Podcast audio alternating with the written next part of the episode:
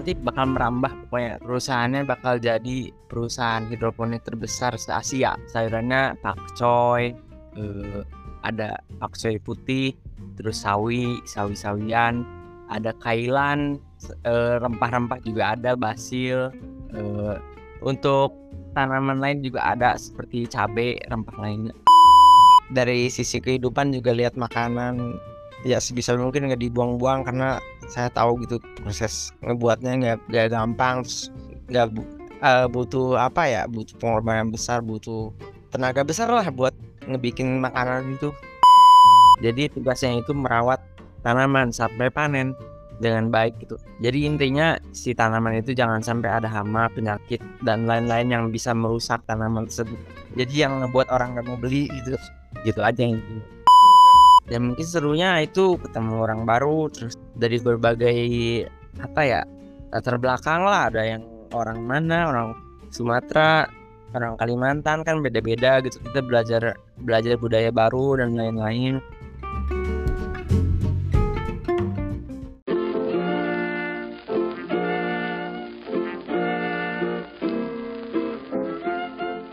Antara banyak peran yang orang miliki, kamu perlu tahu salah satunya. Cari tahu bareng di Pengen Tahu Podcast.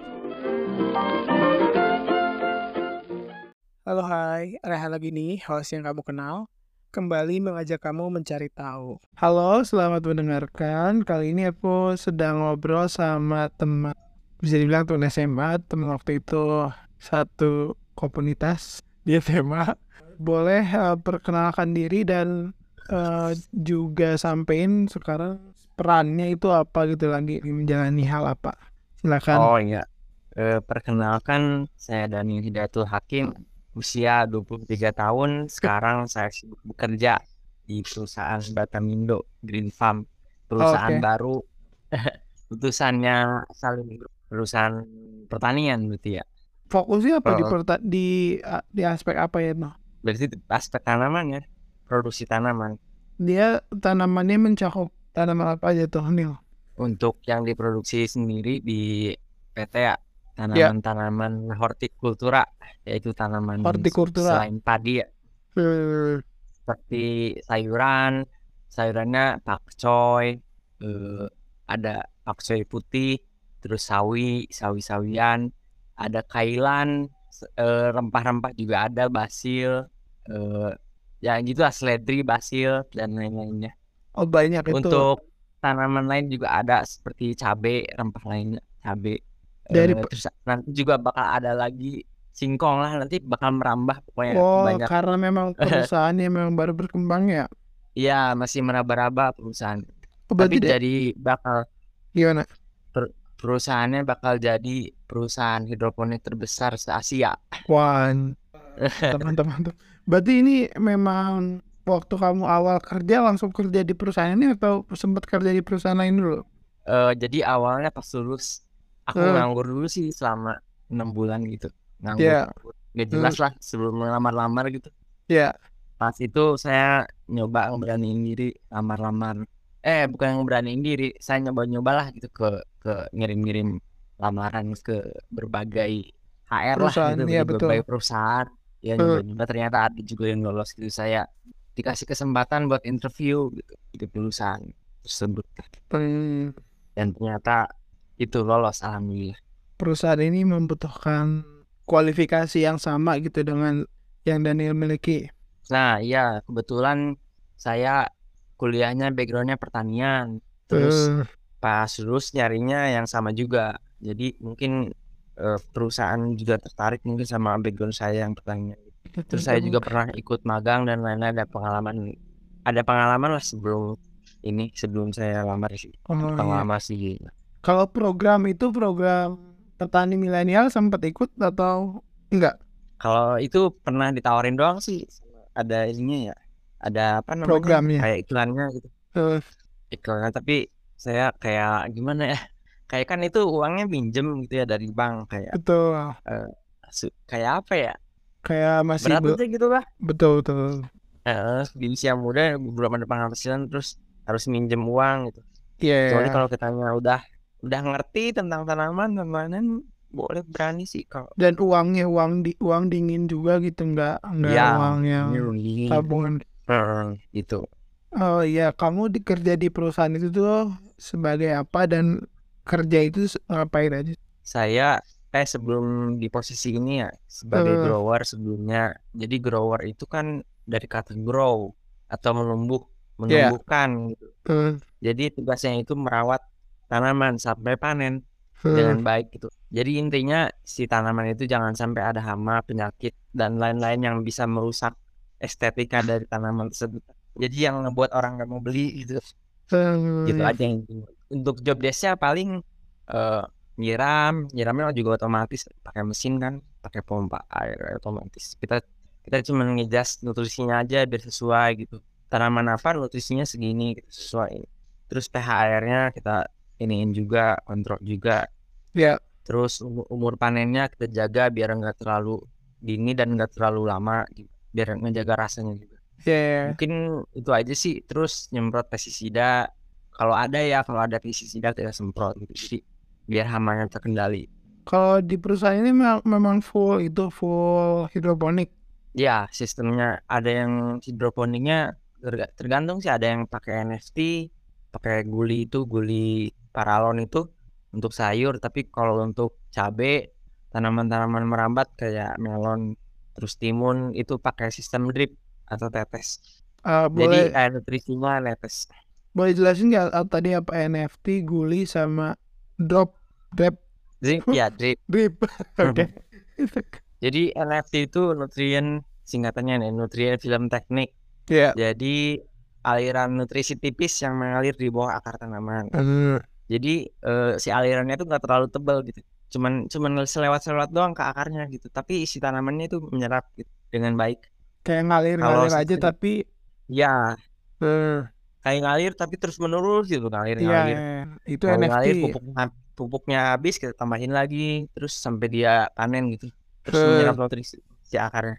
Oke. Terus buat sistem drip Oh, kalau yang pertama tanaman apa aja tuh? Tanaman apa aja? Oh, untuk sistem NFT biasanya tanaman-tanaman yang usia panennya pendek. Seperti Terus yang dipanen daun biasanya kayak kale, terus pakcoy, tanaman-tanaman daun sawi intinya. gitu, sawi kayak gitu. Iya, sawi-sawian. Ya, oke. Yang kedua, Yang kedua, sistem drip itu untuk tanaman apa ya? Perdu ya. Jadi eh, tanaman pohon yang bukan pohon, tanaman pohon kerdil kayak cabe, terus tanaman yang merambat juga kayak ada bayam malabar, terus timun, eh, melon yang gitu-gitu itu sistem drip jadi sistemnya itu eh, si air nutrisinya netes ke pot eh bukan pot ya polybag gitu. Jadi si air nutrisinya netes ke polybag. Ah, tapi kalau media tanamnya apa tuh? Apakah media tanamnya ya. kan biasanya kalau konvensional eh kalau hidroponik biasa pakainya rock ya? Betul? rock ada juga horticulture tapi kalau di sini makanya kokopit. Oh, kokopit, itu kokopit itu apa ya serbuk dari serbuk. kelapa. Dari kelapa, ya dari Hmm, Kalau yang apa guli itu apa? sama. Tapi tapi kadang pakai pakai horticulture juga sih tuh semacam rock wool tapi lebih murah harganya. Kalau guli sama drip ya? Bedanya apa? kalau guli eh kalau guli paralon itu yang kayak paralon yang buat sayur. Kalau kalau drip itu buat cabe. Hmm, kalau yang yang pertama tuh apa tadi? yang pertama apa Eh, NFT NFT sama guli beda apa sama? sama jadi Wah. sistemnya namanya NFT eh eh, apa namanya Si- sistemnya pakai guli Oh, oh, jadi hidroponik tuh dua-duanya NFT. Tapi enggak NFT sama satu lagi drip sistemnya sistem NFT kan oh, itu kalau drip itu netes jadi drip kan bahasa bahasa terjemahannya kan tetes drip betul betul betul. Ah, Oke, berarti memang ada beberapa tekniknya, beberapa jenis metodenya. iya tergantung tanamannya jadi Satu disesuaikan satu grower itu bertanggung jawab atas berapa banyak tanaman kah atau berapa banyak lahan, berapa luas lahan atau kayak gimana? jadi ada hitungannya sih kalau misalkan untuk yang ngerawat cabe sistem drip ya ya, satu grower itu satu GH satu greenhouse greenhouse tuh biasanya ukuran gimana, segimana tuh kira-kira? Kemarin tuh berapa ya 60 meter kali 36 36 kali 70-an gitulah 36 kalau kayak 70 meter persegi, persegi eh, nanti jadi berapa meter persegi lah entah itu. sekitar 200 sekian lah ya. Nah, kalau untuk NFT satu grower 3 GH. Jadi kalau untuk NFT yang rawat sayur itu lebih banyak ininya GH-nya karena kan kerjaannya juga nggak terlalu ini. Kan kalau yang rawat cabai kan ada penempelan, ada penalian, lebih banyak lah kerjanya kerjaannya dibanding yang rawat sayur gitu. Iya, ya, yang yang satu itu satu GH, yang kedua itu 3 GH. Ya, terus ada juga nursery atau pembibitan. Jadi ngerawat bibit doang sebelum ditransplant ke tempat ke tempat growingnya. Growingnya kan NFT sama Hardy namanya. Kalau disebutnya kalau di sini ya Livi sama Hardy. Jadi Livi Livi itu sayuran daun, kalau Hardy itu tanaman keras kayak cabai dan ya, Jadi- timun. ya timun Hardy. Oh gini aja deh, boleh dijelasin nggak dari awal dari dari mulai pembibitan tuh berarti dari dia dari dia benih sampai panen. Kira-kira si grower si grower ini ngapain aja gitu nih? Oh, jadi mulai dari seeding kan eh, itu naruh benih kan kita di di tray itu di Ya. rak semai. Tuh, Terus kita kita urus kan bibitnya sampai tumbuh gitu sampai hari ke-14. Kita hitung daya germinasinya berapa, terus kita sortir yang enggak tumbuhnya. daya apa tuh? Daya apa? Daya tumbuhnya, germinasinya. Hmm, kan enggak oke. semua benih tumbuh gitu. Betul. Terus eh abis itu udah 14 hari sampai 18 hari tergantung tanamannya baru Hmm. transplant. Transplant itu proses pemindahan dari bibit ke tempat pembesaran. Jadi Ya. ada tempat pembesaran itu ada di NFT kalau untuk tanaman sayur, kalau untuk tanaman seperti cabai dan lain-lain itu ke Hardy. Jadi sistem drip di polybag. Eh, kemudian Mungkin itu sih. Eh, terus ada growing ya pembesaran. Iya. Nah, di pembesaran ini ada spotting monitoring. Jadi kita melihat tanaman gitu, apakah dia bagus atau enggak, apakah dia kurangan nutrisi atau enggak. Kita monitoring, spotting dan monitoring. Terus ada penyemprotan kalau perlu ya, kalau ada hama atau penyakit gitu yang perlu kita semprot kita semprot. eh, Tapi nggak terlalu untuk dosisnya juga nggak terlalu tinggi. Jadi di diatur lah supaya eh, sesehat mungkin. ya Eh, abis itu ada panen kan di di pemisahan. Kalau untuk cabe eh, cabe cabe cabean ya panennya biasanya tiga bulan tiga bulan udah pak bisa panen eh, tiga bulan terus sampai tujuh bulan berikutnya masih produktif cabenya jadi bisa dipanen terus oh terusan iya benar-benar ya. kalau sayur biasanya si silkernya tuh di nu- nursery 14 hari nanti di growingnya 30 harian jadi 40 harian lah sekitar segitu baru bisa panen ya. berarti kalau habis misalkan panen gimana gimana lanjut. masuk ke packing kan Hmm, Packing. packing. Di packing jadi tergantung apa customer belinya apa kita siapin yang press gitu. Eh, banyak sih untuk konsumennya kayak ada Indomaret yang konsumen tetapnya Indomaret Hypermart Hypermart Superindo perusahaan-perusahaan milik apa Salim lah gitu yang satu grup pasti dia Iya. jadi pelanggan tetap. Iya. terus eh ada ku- cek kualitas juga quality control jadi apa yang gak sesuai sama spek sayurnya kita nggak loloskan lah gitu. Maksudnya yang yang keluar tuh yang benar-benar bagus sayur yang kita jual. Benar-benar sesuai permintaan pasar atau Iya. Ya sesuai standar lah istilahnya ya. ya sesuai permintaan konsumen lah. Berarti mungkin itu sih. Oke oke. Kal- Kalau itu tuh berarti eh kan tadi ada ada berarti dalam eh, satu proses tuh memang tergantung apa namanya tergantung metode yang dipakai. Kalau misalkan metode NFT itu satu GH, eh bener gak sih? NFT gitu 3 GH satu orang oh gitu. NFT 3 GH satu orang. Berarti selama selama sampai panen tuh sama, sama seorang itu 3 GH itu. jadi bukan sama sampai panen sih jadi tiga tempat itu seterusnya sama dia gitu dipegangnya Eh, oke. jadi nggak pindah jadi itu tuh sebagai rumahnya jadi kalau ada apa-apa apa entah itu ada yang rusak atau apa ya, dia yang bertanggung jawab lah di situ Iya iya. Soal ininya soal jam kerjanya itu mungkin dari pagi biasanya rutinitas di jam kerjanya itu ngapain sih sampai dari mulai berangkat dari mulai mulai kerja sampai selesai kerja tuh. Oke, jadi kerjanya tuh 7 jam, selama 7 Hmm. jam. Mulainya jam 8. Biasanya pagi-pagi jam 8 kan eh, jam 7, setengah 8 lah. Ya. Sa- sarapan dulu ada kantin kan, kita sarapan dulu. Terus jam 8 ber- ada briefing. Habis briefing kita ke lapangan. Ke lapangan kita langsung plotting monitoring, lihat hama, penyakit. Habis itu running, udah mulai siang kan udah mulai panas ya. Tanaman Iya. butuh air gitu. Running. Running tuh ngejalanin air gitu. Terus Hmm. adjust nutrisi, nutrisinya disesuaikan gitu, di di adjust lagi. Eh untuk malamnya kan itu ada loss nutrisi yang diserap tanamannya pasti berkurang. Nah, kita tambahin lagi pagi-pagi. Terus kalau buat har kalau buat yang urus cabai mungkin ada penalian, ada perempelan, ada penyemprotan juga. Lebih sering penyemprotannya kalau cabai. Kalau untuk yang sayur juga sama. Eh beda sih untuk yang sayur paling scouting monitoring terus nyemprot terus cek kebocoran yang gitu-gitu kalau untuk yang sayur lebih sedikit lah job desknya kalau untuk nursery perbibitan ada sortir ada penentuan germinasi.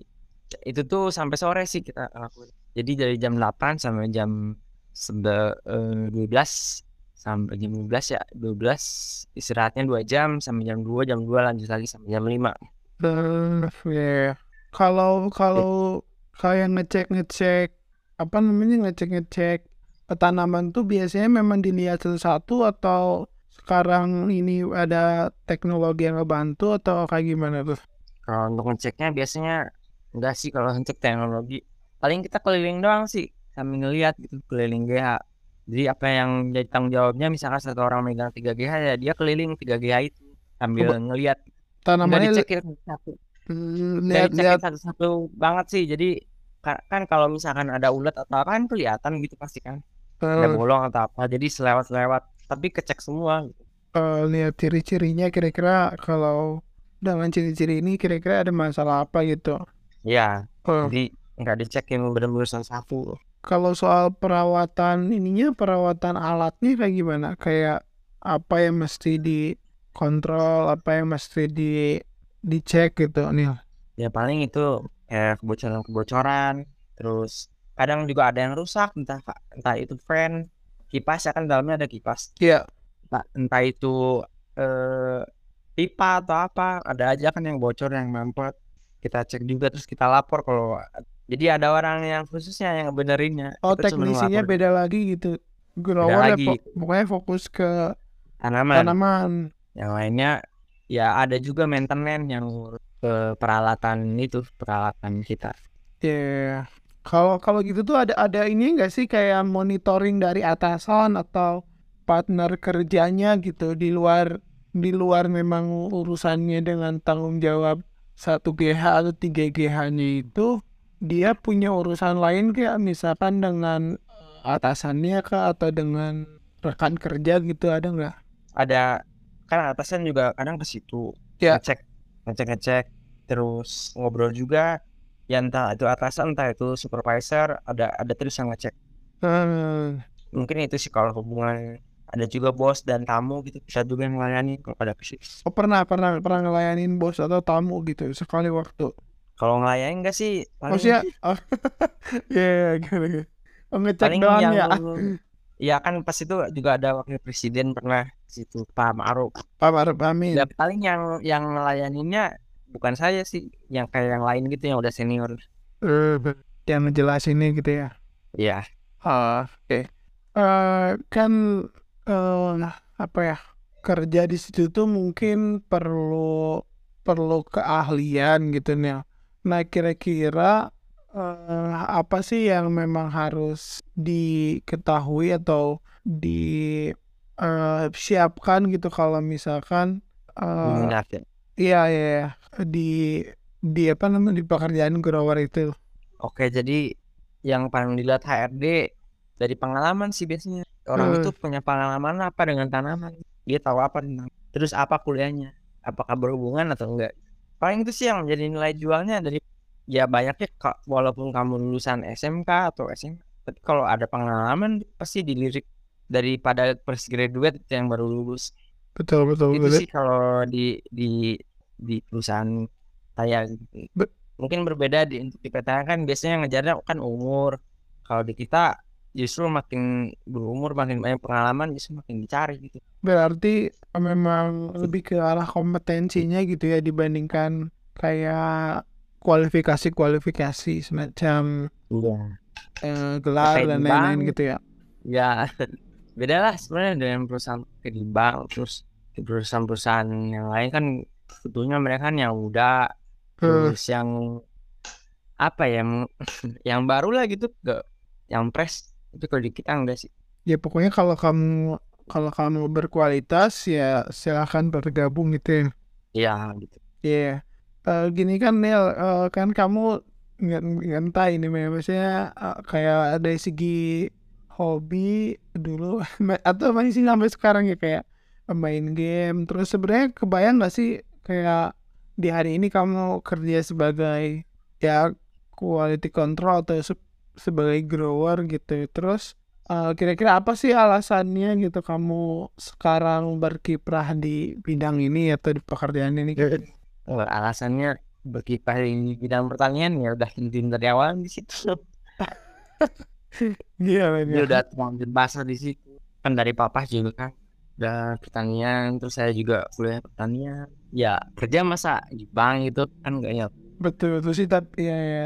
Berarti kamu terinfluence sama bapak juga. Maksudnya waktu kamu menentukan jurusan kuliah itu memang emang terinfluence dari orang tua apa kayak gimana? iya jadi awalnya kan ragu gitu tapi kan papa ngeyakinin gitu ambil aja lagian siapa sih yang jadi petani anak muda nggak ada kayak dikit gitu kan Eh, tapi sih itu peker- pekerjaan yang bakal punah itu itu petani karena orang-orangnya udah pada tua gak ada regenerasi.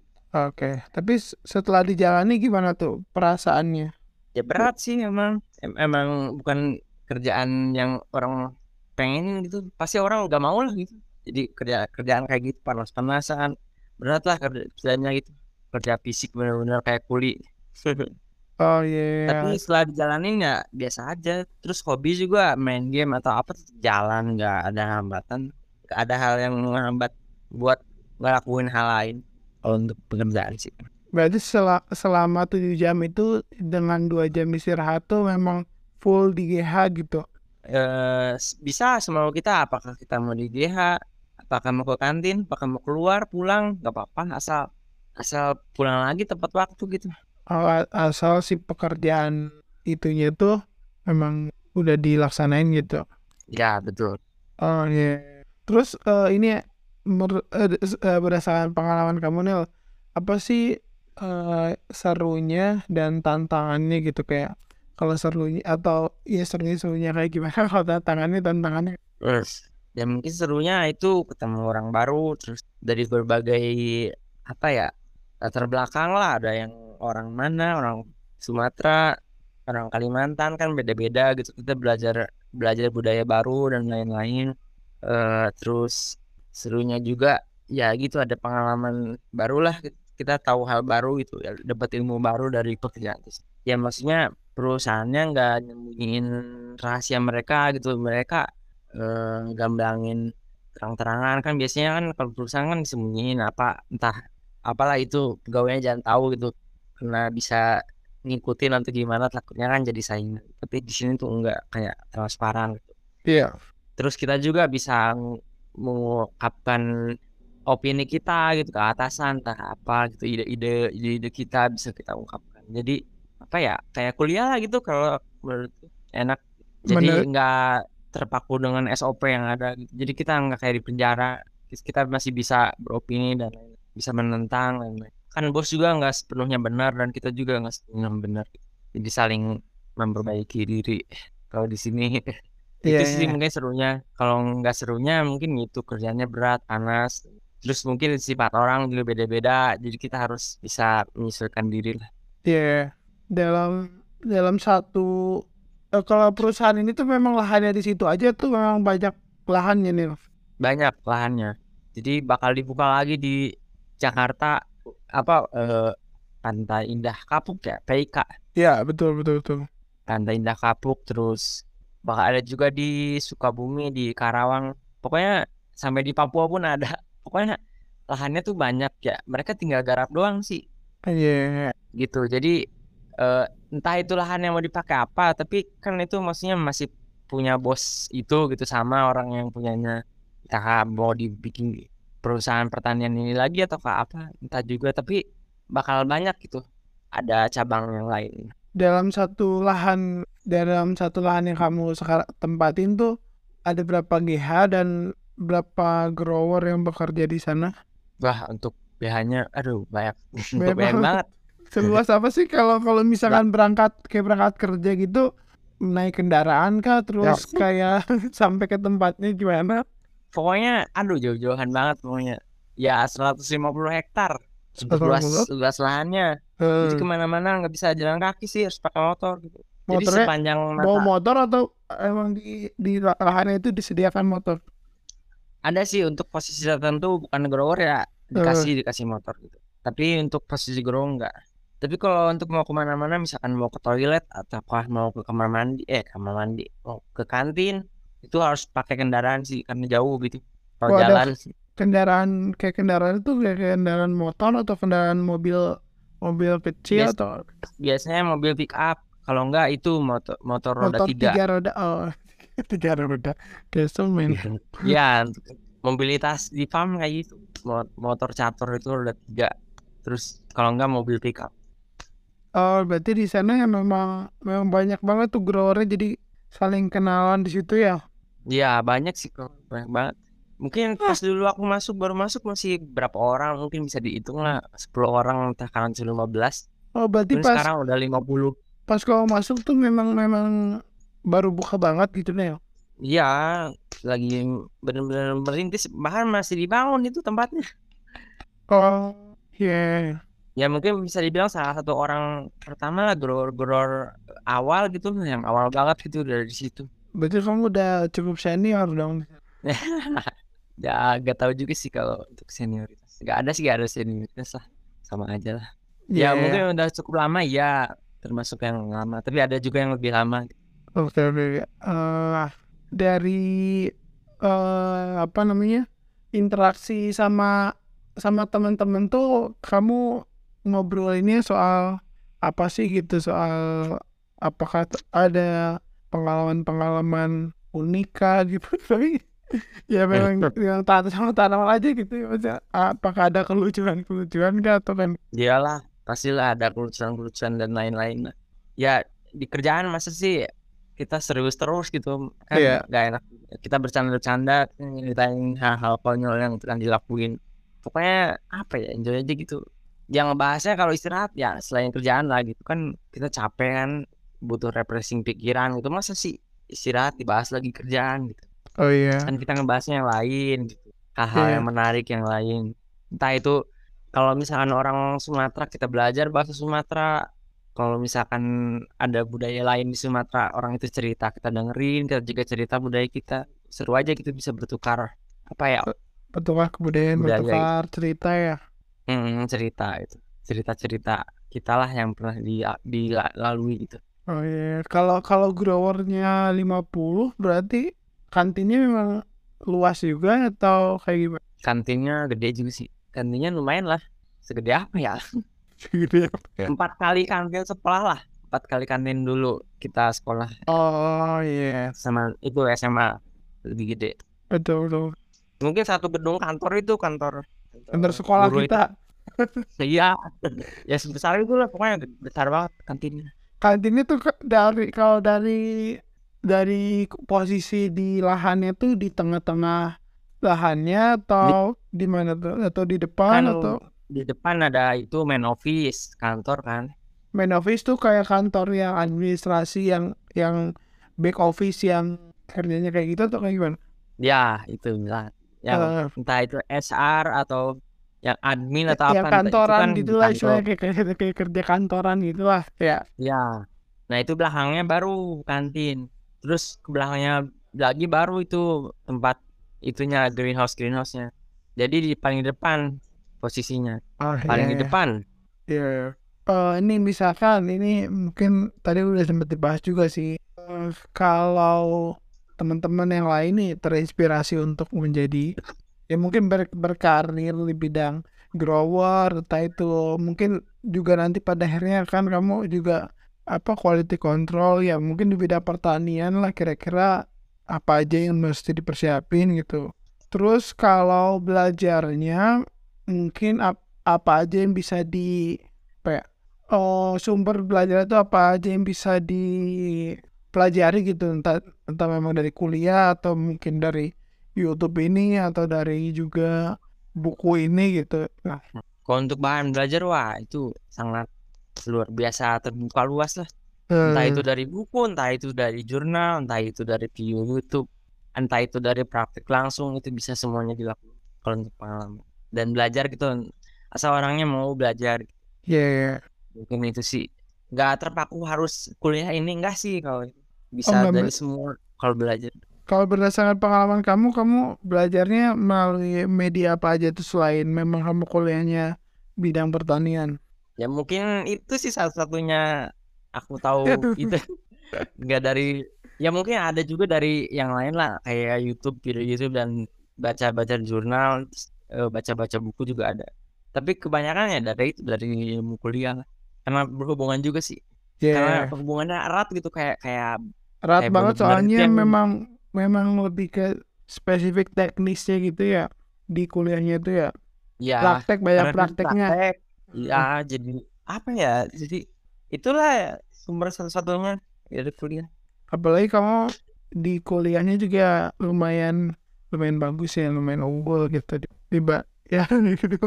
nggak tahu lah kalau itu mungkin orang lain bisa menilai aku bisa nilai diri sendiri sih Oh iya, kalau menurut kamu hal-hal yang paling penting gitu untuk eh, apa ya yang tadi lah kalau yang orang yang mau melamar gitu kira-kira apa yang masih dipersiapin? ya itu mungkin banyakin pengalamannya bisa dari kita belajar sendiri gitu punya usaha apa di bidang pertanian mungkin bisa dijelasin di CV-nya atau pernah ikut kursus ini pernah ikut seminar ini bisa juga. Terus apakah dia pernah bekerja di perusahaan ini sebagai ini itu juga bisa mungkin itu sih eh, jadi apa ya berdasarkan pengalaman kita lah di bidang pertanian gitu. Jadi harus ada Benar. pengalaman bisa siapa aja boleh lah minimal SLCA pendidikannya sih Oh iya. Kalau dari tahapan seleksinya apa aja tuh? Mulai dari tahapan seleksi berkas gitu, terus seleksi apa lagi tuh? Sampai akhirnya kalau kerja.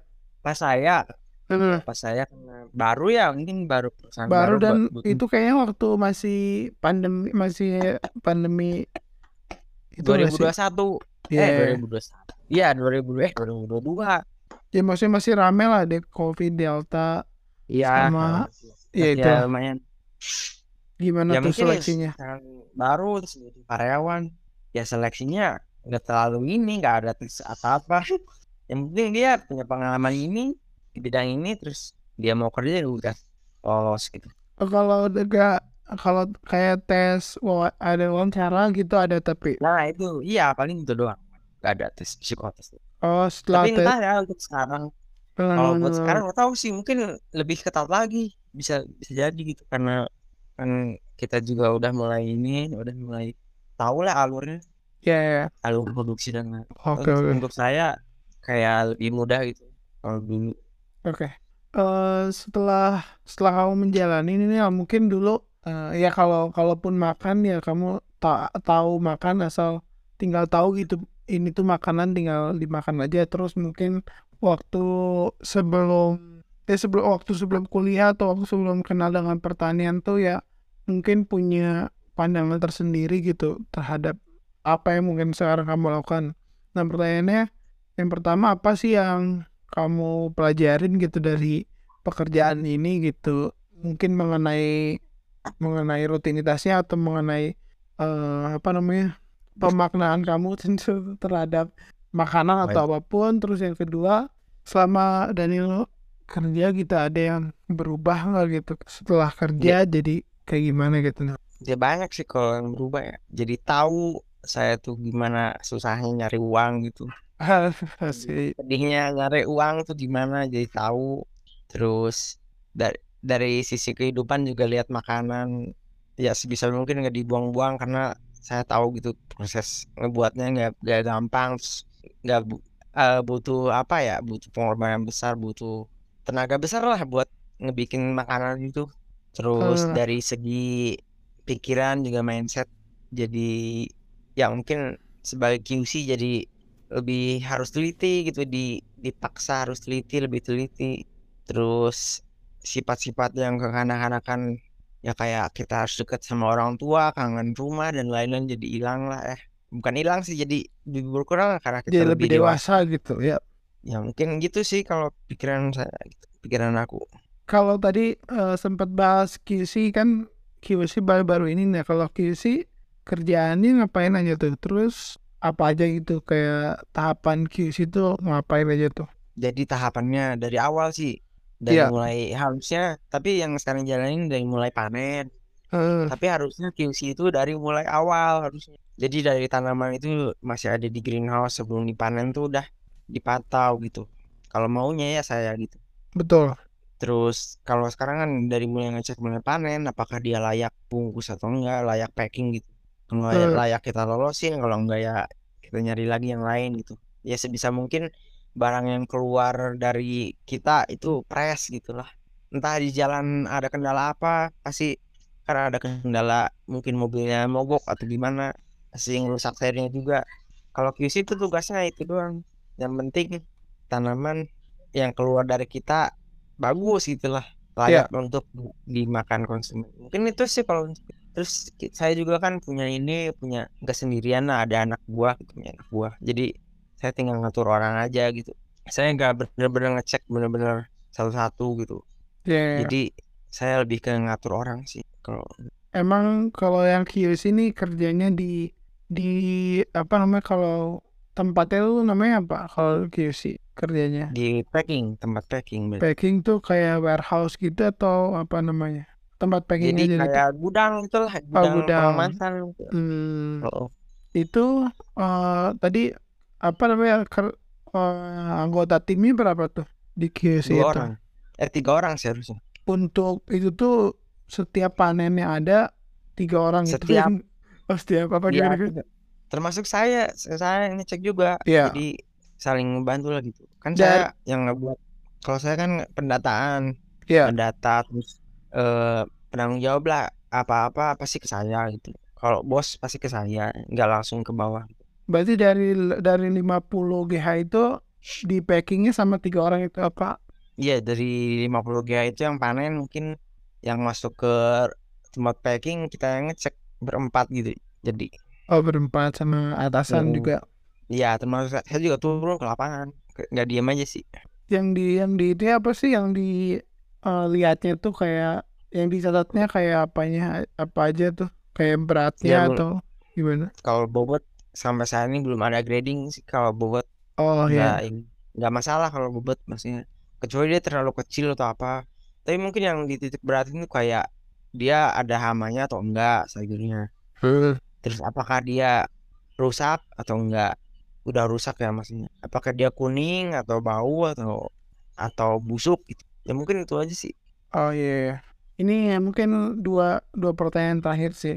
Eh sebelum sebelum itu ya biasanya nih di podcast ini tuh ada sesi promosi. Nah, dari kamu nih ada yang mau dipromosiin gak gitu atau kamu sedang menjalani project apa gitu atau punya sesuatu yang mau dipromosikan ada nggak? ya mungkin ada sih tapi belum belum jalan nanti saya minta bantuan Rehan buat promosiin lah Eh, saya apa? ada usaha itu papa ada juga usaha pertanian Oke nanti. coba rintis gitu Oh tapi sekarang masih masih belum masih belum ini masih belum berjalan atau gimana tuh? masih belum full lah belum jalan lah Masih belum optimal gitu. Iya. Eh, iya. saya butuh bantuan lah Rehan lah untuk memproduksikan mempromosikan Iya produk kayak betul betul. Nah.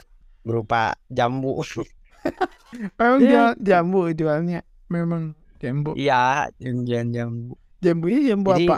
jambu kristal jambu yang Kayak ada bisinya eh, jadi nanti kalau udah produksi massal minta bantuan lah gitu ada ininya juga ada reseller bisa jadi reseller itu jadi dapat bagian juga produksi di Kuningan. produksi di kuningan tapi belum banyak Belum banyak. Oke nanti. masih masih meraba-raba lah sama kayak perusahaan ini Ah bagus. Eh, terus udah itu mah promosi nanti itu mah soalnya belum belum belum launching ya. Terus yang Iya. ke dua ada nggak pesan-pesan gitu untuk teman-teman yang mungkin uh, masih mencari pekerjaan? Atau sebenarnya gini ini kan uh, podcast yang ngasih informasi soal peran atau profesi yang ada gitu.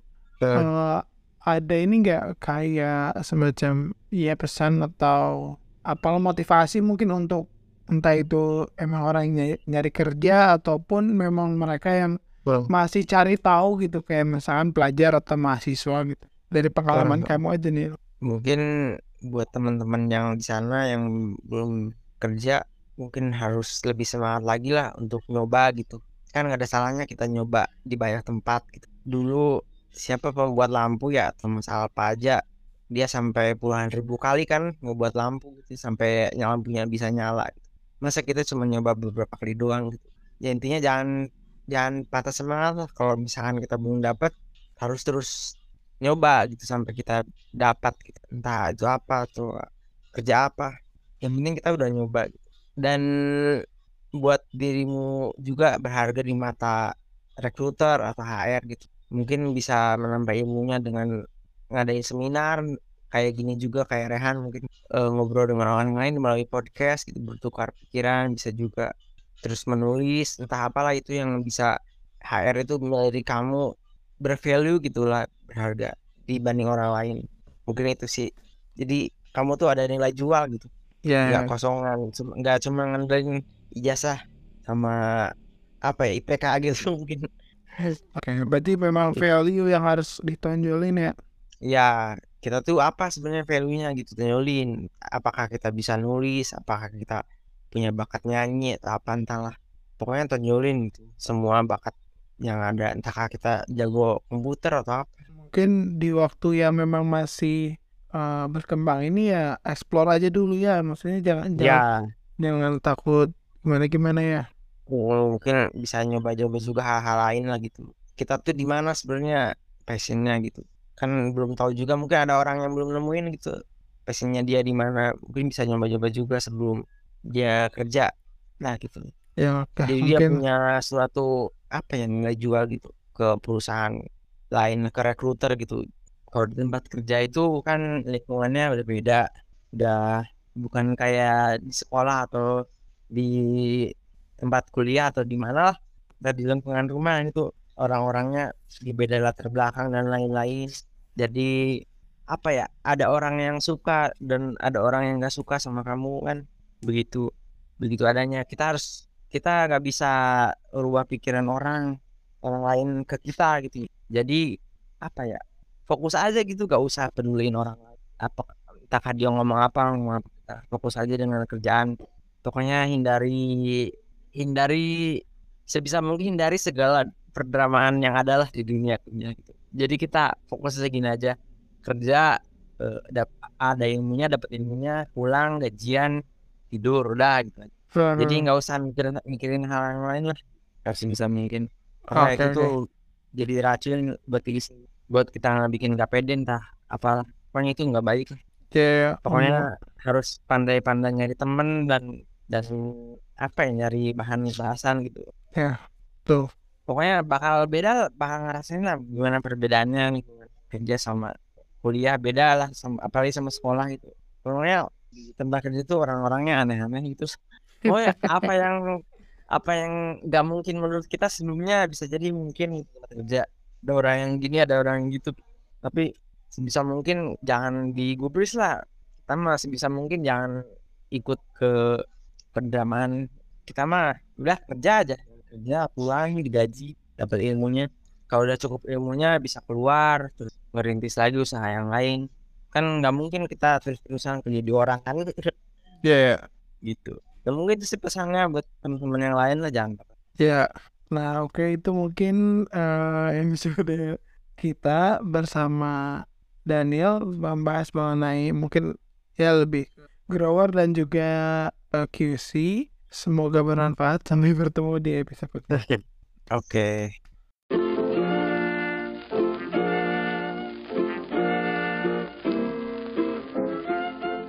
Makasih juga buat teman-teman para pencari tahu Di episode berikutnya kita mau cari tahu soal apa lagi nih bisa request ke Instagram at pengen tahu podcast. Sampai jumpa di podcast berikutnya dengan narasumber dan cerita lainnya. Pengen tahu podcast jadi makin tahu.